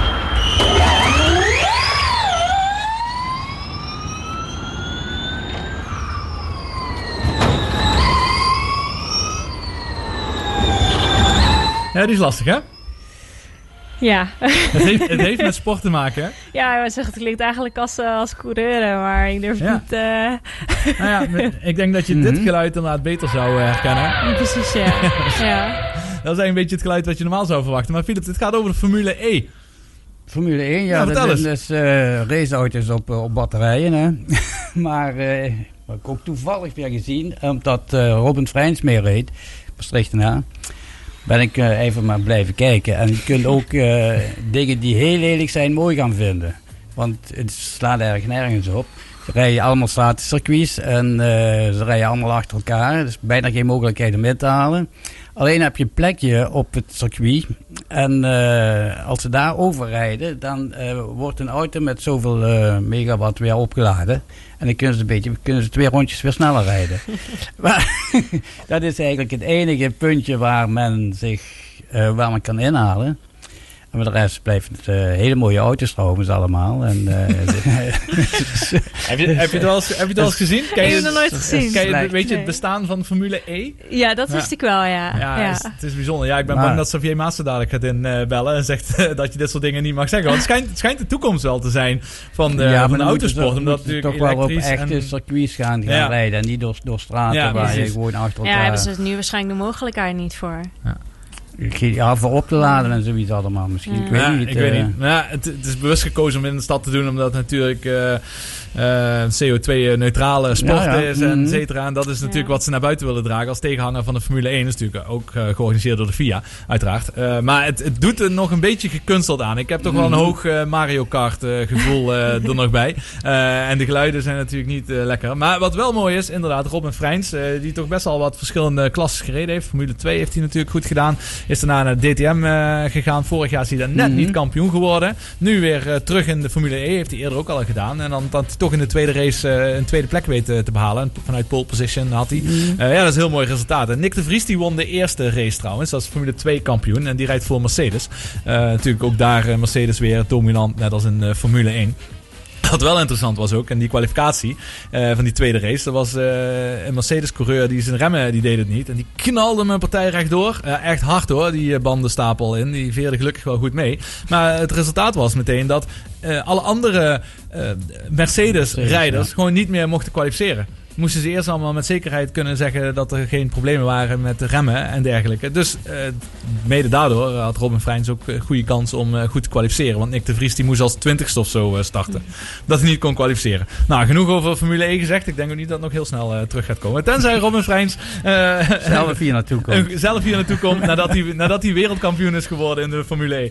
Ja, precies. Nou, het laatste stukje, eh, mijn eigen moment. Ik was het eigenlijk al bijna vergeten, want het gebeurde begin van de afgelopen week. Maar met mijn achtergrond natuurlijk in de golfsport, ja, kan ik eigenlijk niet anders eh, dan dit fragment eh, eruit eh, te halen. En eens kijken wat daarover gezegd werd. We arrived on scene at 7:18 a.m. and discovered the solo vehicle collision, and the sole occupant was again uh, Tiger Woods. Uh, when I arrived on scene, uh, Mr. Woods was uh, seated in the driver's seat. Um, I made contact with him and I ensured that he was Nou, dat is in ieder geval eh, de persconferentie van eh, Los Angeles, de Police eh, Department. Die Tiger Woods gevonden hadden na zijn toch serieuze autocrash met een courtesy car. Een Bentley SUV had hij van het toernooi daar gekregen om er rond te rijden. Was op weg naar een, een meeting, een persmeeting. En uit de bocht gevlogen over de kop. verschillende beenbreuken, open beenbreuken. Nou, noem het, noem het maar op. Dat ziet er gewoon niet goed uit. En heel eerlijk gezegd denk ik ook gewoon dat dit wel echt definitief einde carrière is van Tiger Woods. Eh, sneu, zeker voor de golfsport. Eh, de absolute grootheid, nog steeds. Ook al heeft hij de laatste jaren, vorig jaar eh, met veel rugblessures, net de vijfde rugoperatie gehad. Natuurlijk niet optimaal eh, kunnen presteren. Eh, maar na die eh, overwinning eh, van de Masters eh, natuurlijk, eh, an- eh, an- anderhalf, eh, bijna twee jaar geleden nu inmiddels, ja, blijft het natuurlijk een icoon. En jammer dat hij... heel waarschijnlijk niet meer op het hoogste niveau eh, terug gaat eh, komen. Eh, dat gaat ook heel veel kijkcijfers schelen wereldwijd. Want als hij meedoet, dan verdubbelen gewoon meteen die kijkcijfers daarin. Gisteren tijdens de WGC eh, in... nou ben ik even in Mexico natuurlijk, spelen ze dan. Ehm er was wel een soort eerbetoon eh, dat eh, bijna alle spelers in het rood en het zwart eh, speelden. Omdat Tiger Woods altijd op zondag een rood shirt en zwarte broek. Ik vond het ergens ook wel bijna weer een beetje ver gaan. Want het is niet zoals Kobe Bryant dat hij overleden is. Hij is zwaar geblesseerd geraakt en hij, gaat, hij is niet in een levensbedreigende situatie. Alleen heeft gewoon een lang herstel voor de boeg. Dus dat was ja, tot dusver. Ben ik bang voor einde carrière voor Tiger Woods. Maar dat zullen we het komende jaar gaan zien. Nou, we gaan even naar wat muziek luisteren. Daarna gaan we even een trainingsmaatje van jou eh, bellen. Sarissa de Vries. eh, die is eh, vooral gespecialiseerd op de juiste lange afstand van de triathlon. Nou, is benieuwd wat zij daarover te vertellen heeft.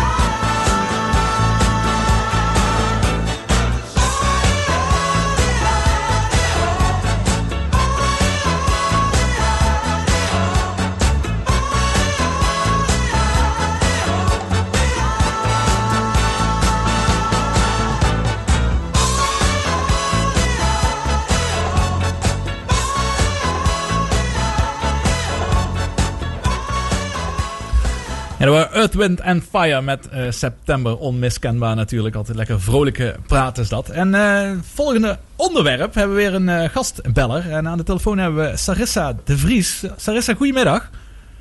Goedemiddag. Nou, Hoi. mooi. Hoi. Ja, jij bent eigenlijk tweede geworden op de allereerste Ironman die hier in Maastricht werd gehouden. Op de volledig lange afstand. Want dat is echt een beetje jouw specialisme. Ja, dat klopt. Inmiddels wel, ja. Inmiddels wel, ja. Want ik heb inderdaad begrepen van Maya dat jij eh, bent net als Maya begonnen op de Olympische afstand met de triathlon. Ja. En eh, van daaruit eh, naar een langere. Kun je vertellen hoe die omslag is gekomen? Ehm, ja, dat is eigenlijk ehm, een beetje, ja, eh, toen ik begon met triathlon, eh, mijn vader eh, deed in eh, 1999 de hele triathlon van Almere. Dat is eh, de, de grootste hele triathlon eh, van Nederland. Bes- bestaat al het langste eh, in heel Europa. Ehm, en eh, toen was ik tien en toen dacht ik, oh, als ik later groot ben, eh, dan wil ik dat ook. Dus eh, ja, toen, uiteindelijk eh, toen ik 16 ben, ben ik lid geworden van de triathlonclub. En zo een beetje in de triathlonsport gerold. En ja, eigenlijk vooral als jonge atleet rol je als eerste in de sprintafstand, Olympische afstand. En eh, ja, daar bleek ik wel eh, eh, een beetje talent voor te hebben. Dus ja, daar eigenlijk blijven hangen. Ehm, en in 2014 ehm, ja, heb ik uiteindelijk besloten te st- stoppen eigenlijk met, met, met topsport. Ehm, ben ik naar Maastricht verhuisd om mijn studie af te maken. En ehm, ja, begin 2015 werd aangekondigd van er komt een hele triathlon in Maastricht. Ehm, en toen dacht ik, ja, ik heb als jong meisje altijd gezegd dat ik een hele triathlon wilde doen. Misschien eh, moet dat nu maar gaan gebeuren. En eh, ja, toen ben ik ervoor gegaan. Ja, en eh, met succes. Maar even eerst je bescheidenheid. Je zegt, ik had, had, bleek daar wel talent voor te hebben. Maar onder 23 was je tweede van de wereld, geloof ik, in de triathlon. Ja. Ja, dus klopt, nou, ja. dat is wel iets meer dan eh, talent hebben. Daar zit natuurlijk keihard werken bij. Maar die combinatie zorgt er wel voor Ja. dat je natuurlijk eh, eh, wereldtop op, op die afstand was. En daarna ben je dus naar die lange gegaan. Je, je werd meteen dus tweede bij die Ironman hier in Maastricht. Was dat Ja. boven verwachting voor jou? Of hoe, wat was, was dat echt je eerste volledige Ironman wat je deed? Ja, ja, ik had. eh, ehm, dus ja, een jaar eerder was ik eigenlijk gestopt met, met topsport. En Olympische afstand was ook het langste wat ik gedaan had. Ehm, dus ik was ook best wel onfit toen ik eh, ja, zo eh, december, januari te horen kreeg dat, eh, dat die Ironman in Maastricht zou komen. Maar ehm, ja, dus in een half jaar tijd ja, toch weer, weer, weer redelijk wat uren gemaakt. En ehm, ja, ja. Ehm, Nee, dat klopt. Maar als je even naar die, als je naar die wedstrijd kijkt. Ik bedoel, hoe, ga je daarin? Ja. Ga je dan gewoon erin? Ja, ik ga mijn best doen en ik zie wel hoeveelste dat ik word. Oh, eh, En verrast je het dan Ja, achteraf nee, dat je de top eh, haalt? nee, ik had dat helemaal niet verwacht. Ik, ik heb ook heel lang getwijfeld of ik überhaupt bij de profs moest starten of bij de, Oh, bij de ace groups, hè, dus de recreanten. Ja. Eh, maar een, zes weken ervoor had ik dan mijn eerste halve gedaan. Die had ik ook nog nooit gedaan. En ehm, die won ik. En toen dacht ik, ja, misschien moet ik toch maar gewoon bij de prof starten. Wa- waarom niet? Hè? Want ik kon al, ja, ehm, bij de korte afstand is zwemmen redelijk belangrijk. Ehm, dus voor een lange afstandstriatleet kon ik, kon ik wel goed zwemmen. Dus ik dacht, ja, waarschijnlijk zit ik ook best wel een lange tijd eh, voor, in, eh, voor in de race. Dus ik dacht, ja, waarom ook niet? En ehm, ja, ja. ik, was, ik wilde hem heel graag vooral finishen. Dus eh, dat ik daar, daarbij nog tweede ben geworden, dat was echt boven verwachting. Ja. Ja, echt super knappe prestatie. Hey, jullie met z'n tweeën gaan al een hele tijd eh, terug. eh, en eh, jullie hebben ook heel veel samen al getraind. Is dat een voordeel? Of is het, hoe belangrijk is het om samen te trainen in een individuele sport? Wat jullie allebei toch doen? Nee, ja, heel, ik vind het heel fijn. Hè? Het zijn toch heel wat uren die je moet maken. Ehm, en eh, ja, als je daar eh, een deel van eh, kan delen met iemand anders, dan eh, ja, dat, eh, dat is gewoon heel fijn. Ja. Is het voor jou hetzelfde, Maya? Ja, hoe dat gaat? eens. Ja, en je kan ook veel van elkaar leren. Dus ja, ja dat, eh of op elkaar letten of wat techniek dingetjes of het gewoon over dingetjes hebben. Ja. Dus eh, ja, dat heb ik met Sarissa al, ja, eigenlijk al tien jaar Ja, mooi. kunnen doen. Dus, ja, want eh, wat zou je zeggen is hetgene wat je het meest hebt geleerd van eh Sarissa? Eh, ja, bij jezelf blijven, denk ik. Ja, ze worden natuurlijk als sportsport heel veel van je verwacht en je krijgt honderdduizend meningen. En ehm, ja, ik heb van Sarissa eigenlijk altijd wel geleerd, ja, maar uiteindelijk gaat het om jezelf. En eh, Heel goed. ja, ja, moet je daar eh, moet je naar jezelf luisteren. Ja, wijze lessen, Sarissa, zijn dat. En, en als ik het omdraai, wat, heb jij, wat is hetgene wat jij het meeste geleerd hebt eh, van Maya? Ehm, ik denk ehm, niet opgeven. Hè, van, ja, Eh, Ma- Maya is een echte knokker. En eh, ja, ook, ook al heb je een slechte dag, ga, ga gewoon. En eh, ja, ja el- elke, elke training is het waard, zeg maar. Ja, ik weet niet. Gewoon altijd door blijven gaan. Ja. Ook niet, de hele mentaliteit, de instelling om eh, die topsport iedere dag opnieuw eh, te bedrijven. Dat is, eh, dat is mooi, ja. Absoluut. Ja. Jij doet ehm, zelf, jij geeft ook training, hè? Ehm, Ja. Is dat een beetje de combinatie wat je doet? Zelf sporten en ook trainingen geven in de triathlon? Ja, ja, dat is hoe mijn leven nu zo'n beetje eruit ziet. Ah, ja. Klinkt heel goed. Voel je jezelf meer trainer of meer triatleet? Oeh, ja. Gemeen, hè? Ja, gemeen Ehm, is dat, ik weet het. Ja. Ik moet zeggen, in, in de periode dat ik, eh, ja, dat ik dus uit, die, uit de korte afstand triathlon ben gestapt, heb ik me vooral willen richten op mijn maatschappelijke carrière. Dus ik zou zeggen, tussen 2015 en 2019 was ik meer trainer, trainer-coach en daarbij atleet. Maar in 2019 ben ik 30 geworden en toen had ik zoiets van, ah, ik wil die lange afstand misschien toch wel een echte kans geven. Ehm, dus ik zou zeggen, sinds eind 2019 dat ik me meer sporter voel weer dan coach. Alleen ja, door de corona en zo is, is 2020 niet helemaal het jaar geworden waar ik dan op had gehoopt eh, toen ik dat eind 2019 dan die beslissing maakte. Maar ehm, ja, hopelijk komend jaar. Ja, precies. Ik las een mooie blog op je website eh, van je laatste race. Hoe spannend dat überhaupt was of die door kon gaan. Op, eh, dat je eigenlijk eh, een paar minuten voor de start eh, nog niet eens zeker, met zekerheid wist te vertellen of die race wel doorging. Dat vond ik wel een mooi verhaal wat je daar had geschreven. Dat zou ik zeker mensen aanraden om op jouw website sarissadevries.nl denk ik dat het is. Om daar zeker eens een Eh, kijkje te nemen. com. Oh, punt .com. Sorry, nog internationaal ook. Heel goed. maar dat is zeker, zeker de moeite om te kijken hoe, hoe je die wedstrijden ervaart. die lange afstanden. Wat zijn jouw je doelen waar je naartoe nog aan het trainen bent eh, de komende periode? Ehm, ja, ik heb het grootste doel voor komend jaar is het eh, WK lange afstand in Almere. Dus dat is een, eh, een thuiswedstrijd. Ja, hoe vaak gebeurt het dat er een WK is in, in Ja. Nederland? Dus ik, ja, daar wil ik gewoon heel graag bij zijn. En ehm, ja, ik heb het, het WK Ironman Hawaii eh, zou ik heel graag nog mee willen maken. Dus ehm, ja, dan, dan zou ik ook ergens dit jaar nog een Ironman willen doen. Waar ik dan eh, me zou willen proberen te kwalificeren. Ja. Ja, gaaf, mooi. Wat mij ook opviel, en eh, ik denk dat ik jullie daar een beetje ook eh, aan kan danken, of de, jullie daar zeker aan hebben bijgedragen, is dat die, die triathlonsport en zeker ook die Ironman-sport hier in Maastricht enorm is gaan leven. Zeker na de komst van eh, die eerste Ironman eh, heb ik toch heel veel sporters hier die niet van eh beroepssporter zijn. Maar zoals ik noem even Tom Hamakers, een Erik Meijer, Jorrit Konsten. Even een paar mensen die ik ken waarvan ik ook weet dat die ook met jullie samen hebben getraind. Ja, echt super enthousiast zijn geworden over die sport. Dus dat vind ik ook wel een mooi, mooi compliment ook, aan jullie als soort pioniers hier in Maastricht. Die, en jullie begeleiden hen ook. Is dat ook iets hoe jullie het zelf Eh, eh, ook zo voelen? Ja, ik denk. ehm, ja, in, in 2015 ben ik toen eh, ben ik, eh, trainer geworden van de triathlonclub in Maastricht. En dat was toen een groepje van eh, misschien 30 man. En eh, ja, dat is in die afgelopen vijf, zes jaar, ik denk wel vervijfvoudigd. Eh, dus ja, daaraan merk je ook. En overal, eh, als je in het geuzelbad komt, eh, dat, dat daar overal triatleten liggen. En eh, ja, eigenlijk al op zoek zijn naar, naar zwemwater bij andere zwembaden. Eh, want, want het is daar te druk. En eh, hè, dus, eh, overal kom je triatleten tegen. Of als je aan het fietsen bent in het Heuvelland. eh, dan zie je weer iemand op de tijd dat fiets voorbij komen. En eh, ja, ik denk dat dat echt enorm is gegroeid eh, de afgelopen jaren in de omgeving Maastricht. Ja. Ja.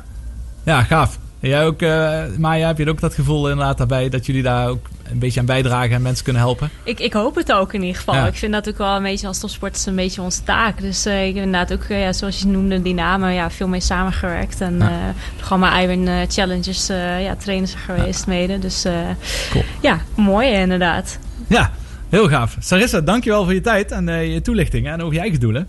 En ik eh, wens je heel veel succes eh, in Almere. Hopelijk kan- het allemaal doorgaan, eh, dat, we, dat wereldkampioenschap. En dat je inderdaad in Hawaii mag, mag gaan schitteren een keer binnenkort. Want dat lijkt me inderdaad wel het ultieme, hè? ja, nou hartstikke bedankt. Mooi. Eh, da- jij bedankt. En eh, la- of, eh, Maya, jij ziet Sarissa vast morgen weer aan de trainen. precies. Morgen weer, ja. heel goed, heel goed. Nou, daar hebben we weer een en ander bij te vertellen. Sarissa, dankjewel. En wellicht tot de volgende keer. Volgende keer. Oké, doeg. Doei.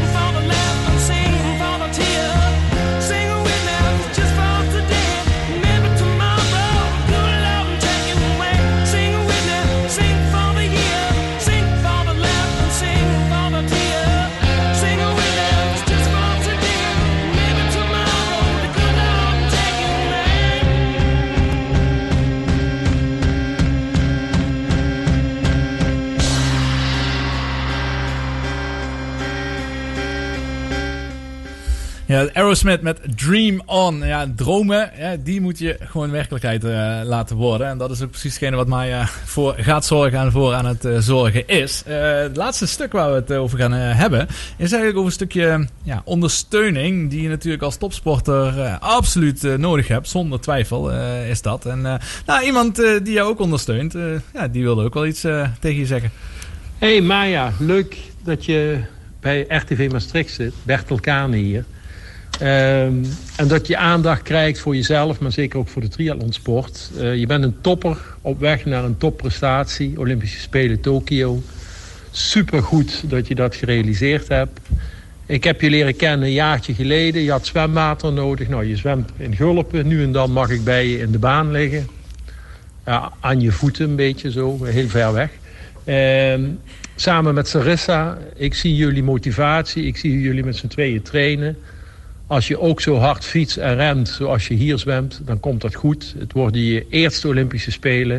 Ik ben ervan overtuigd dat het niet je laatste Olympische Spelen worden. Eh, ga ervoor en ehm, ik heb één challenge voor je. Als dadelijk corona voorbij is en ik mag zelf weer een beetje zwemmen... 25 meter rugkrauwel als challenge. Dat durf ik nog met je aan. Het gaat je goed. Ik zie je weer binnenkort, donderdag, bij de koffie. Ehm, en dan, ehm, ja, ik ben ervan overtuigd dat het gaat lukken. Succes. Ja, dat is Bertel Kane van Mozakwa. Ja. Inderdaad, 25 meter rugkrauwel. Ja, de, dan gaat hij winnen, denk ik. Ja, En 25 meter is veel te kort voor jou, natuurlijk. ja dat dan. Ik ben echt geen rugcrosszwemmer. Dus, eh, Precies. ja, Nou ja. ik wil de challenge zeker aangaan. Ja, nee, ik, eh, dat is ja, heel mooi. Ja, we hebben even twee mensen al gehoord die jou natuurlijk eh, ondersteunen. Jan Smeets van Lopers Company en Bertel Kane van, van Mozakwa. Maar wie, wie helpen jou allemaal? Dan heb je een grote pool mensen die jou op dit moment al ondersteunen met bepaalde zaken? Ehm, ja, ik denk dat we inderdaad heel veel daarvan al gesproken hebben. Hè. Dus het meeste zit eigenlijk in het team om me heen. Eh, dus we hebben het echt niet over financiële support of zo. eh, of materiaal inderdaad. Maar eh, ja, zoals Jan zei, we spraken vaak met elkaar. En dus ik, ik denk dat ik hem ook al vijf jaar ken of zo. Het stond ik op een beursje omdat ik vier paar sokken gratis kreeg. Terwijl ik daar dan een hele dag stond te werken eigenlijk. En dat is waar ik Jan heb ontmoet. En Jan zei, ja, maar ja, jij moet toch gewoon je paar schoenen krijgen. Dus die zei, nou, hier heb je een paar schoenen. En ehm, ja, en we mee spraken, hè, dat, die helpt me gewoon echt met het lopen en met de looptactieken. En eh, ja, dat, dat geeft heel veel support. En eh, ja, natuurlijk heb je de Nederlandse Triathlonbond. Eh, dus eh, ja, die proberen natuurlijk ook gewoon ja, te doen wat, we, wat ze kunnen. Ook al zijn we een hele kleine bond. Inderdaad, wat je net al zei met Sarissa. Triathlonsport is wel heel erg aan het groeien. En niet alleen Maastricht, in heel Nederland en eigenlijk ook wereldwijd. Eh, Nederland lopen nog steeds wel wat achter. In Nederland zijn onze wedstrijden niet op televisie. Terwijl schakel de BBC in en je kan al onze wedstrijden zien. Eh, dus eh, ja, we hebben nog wel wat werk te verzetten. Maar ehm, ja, het groeit gewoon heel erg. En dat betekent ook wel dat er meer aandacht komt. Eh, maar in Nederland is dat, is dat lastig. Dus Specialized Nederland ja, gaat me steunen inderdaad met, met ja, hun, hun fietsen en, en de wielen van Rovel. Ja, ik heb schoenen van, van Loops Company. Eh, ik kan inderdaad nu gelukkig zwemmen bij Mozaka. Of ja, nu hè. in ieder Ja, geval. eh, ik. hopelijk, hopelijk binnenkort. eh, Precies, ja. Dus eh, ja, Geuselt, eh, ja, zoals er is al aangaf, ja, dat, dat is gewoon lastig. Ja. Ja, je hebt gewoon heel veel water nodig, heel veel zwemuren nodig. En waar je wel ook ja, je eigen ding kan doen. Dus dat is altijd wel een beetje een zoektocht. Ehm, ja, en financieel is het lastig. Zoals je zei, hè, ja, voor Nederland moet je eigenlijk top 6 van de wereld zijn. Wil je pas ondersteuning krijgen. Ja, gelukkig heb ik afgelopen jaar kunnen laten zien dat ik nu top 6 van de wereld ben. Eh, dus ik heb nu eh, ja, een A-status heet het dan vanuit NSC Dus dan krijg je een minimumloon. Eh, maar ja, minimumloon is ja, super fijn. Want dat betekent dat ik nu niet hoef te gaan werken. Want dan wordt het heel lastig. Dan, dan is het einde carrière eigenlijk. Eh, maar ja, het is inderdaad zoals je... eh, we hadden het straks al even over. Het is niet alsof je daar eh, je reizen van kan gaan betalen. Of op hoogtestages kan of zo. Ja, want dat vroeg me af. Zo'n test-event in Tokio bijvoorbeeld. Hoe wordt dat bekostigd? Ja, het test-event van Tokio werd door NOC-NSF Oké. en Nederlands Triathlonbond. Dus in principe heeft onze bond geld om de WK-serie te betalen. Eh, maar de wedstrijden daaromheen, ja, dien je zelf te financieren. En ook inderdaad al je materiaal. En, eh, ja. Dus eh, ja, Duo is eigenlijk mijn grootste sponsor geweest. Alleen moet Ja. ik dat weer terug gaan betalen. Ja. snap, eh, snap ik inderdaad eh, wat, je, wat je bedoelt. Ja. Wat, waar ben je nu nog eh, druk bezig met bepaalde sponsorplannen op te stellen? Wil dat eh, lukken? Heb je het nodig? Ja, ik heb het nodig. Ja, dus, eh, het is heel fijn dat ik nu geen fiets meer hoef te kopen. Eh, dus heb ik, ja, vorig jaar heb ik gewoon nog mijn fiets gekocht. Ja. Ja, daar gaat dan eigenlijk elk beetje spaarcentje wat je hou- overhoudt aan een minimumloon en eh, al het beetje prijsgeld wat je binnensleept gaat in je materiaal zitten. En nu kan ik dat in betere voeding stoppen of eh, inderdaad toch een keer extra naar eh, Girona om daar even uit de sneeuw in Nederland te zijn. Ja, nu dan ook niet, want we mogen niet reizen. Maar ja, dat, dat zijn normaal dingen die heel erg helpen. En ja, dat heb je eigenlijk gewoon nodig als je met de wereldtop wil concurreren. Als we het dan over landen als Amerika en Engeland hebben. Ja, Australië, Nieuw-Zeeland, daar is zo'n sportcultuur. Dat, dat, daar tippen wij gewoon niet aan in Nederland. Maar daar Ja. moeten we wel tegen concurreren. Ja, dat is toch jammer. Hè? En inderdaad, je verdient echt alle steun eh, met zo'n eh, mogelijkheden die je hebt op de Olympische Spelen en op, in de wereldtop. Dat hebben we vandaag van iedereen eh, gehoord. Eh, ja, we zitten alweer in de laatste 40 seconden van dit programma. En Maya, ik wil je hartstikke bedanken voor je mooie verhalen en inspirerende verhalen. Ik hoop dat je het zelf ook leuk hebt gevonden. Ik vond het ontzettend tof. Ja, goede vraag. Eh, hartstikke bedankt eh, dat ik er mocht zijn. Gelukkig. Nou, dat is goed om te horen. Filip, je ook bedankt. Ja, Ook graag weer eh, blij met deze uitzending en onze Weer, gast. weer leuk, Ja, ja. absoluut. Nee, het was echt superleuk. En heel mooi om echt een topsporter van eh, dichtbij eh, te horen vertellen over, de, over ja, je ervaringen en waar je naartoe gaat. En ik heb echt alle vertrouwen ook in jou. eh, net als iedereen die we hoorden in de uitzending. eh, voor je resultaten in Tokio eh, dit jaar. Dus ook dank aan eh Bertel, Erik en Jan voor iets leuks eh, in te spreken eh, gericht aan Maya. En wij zien of horen jullie volgende week graag weer erom terug. Bedankt voor het luisteren.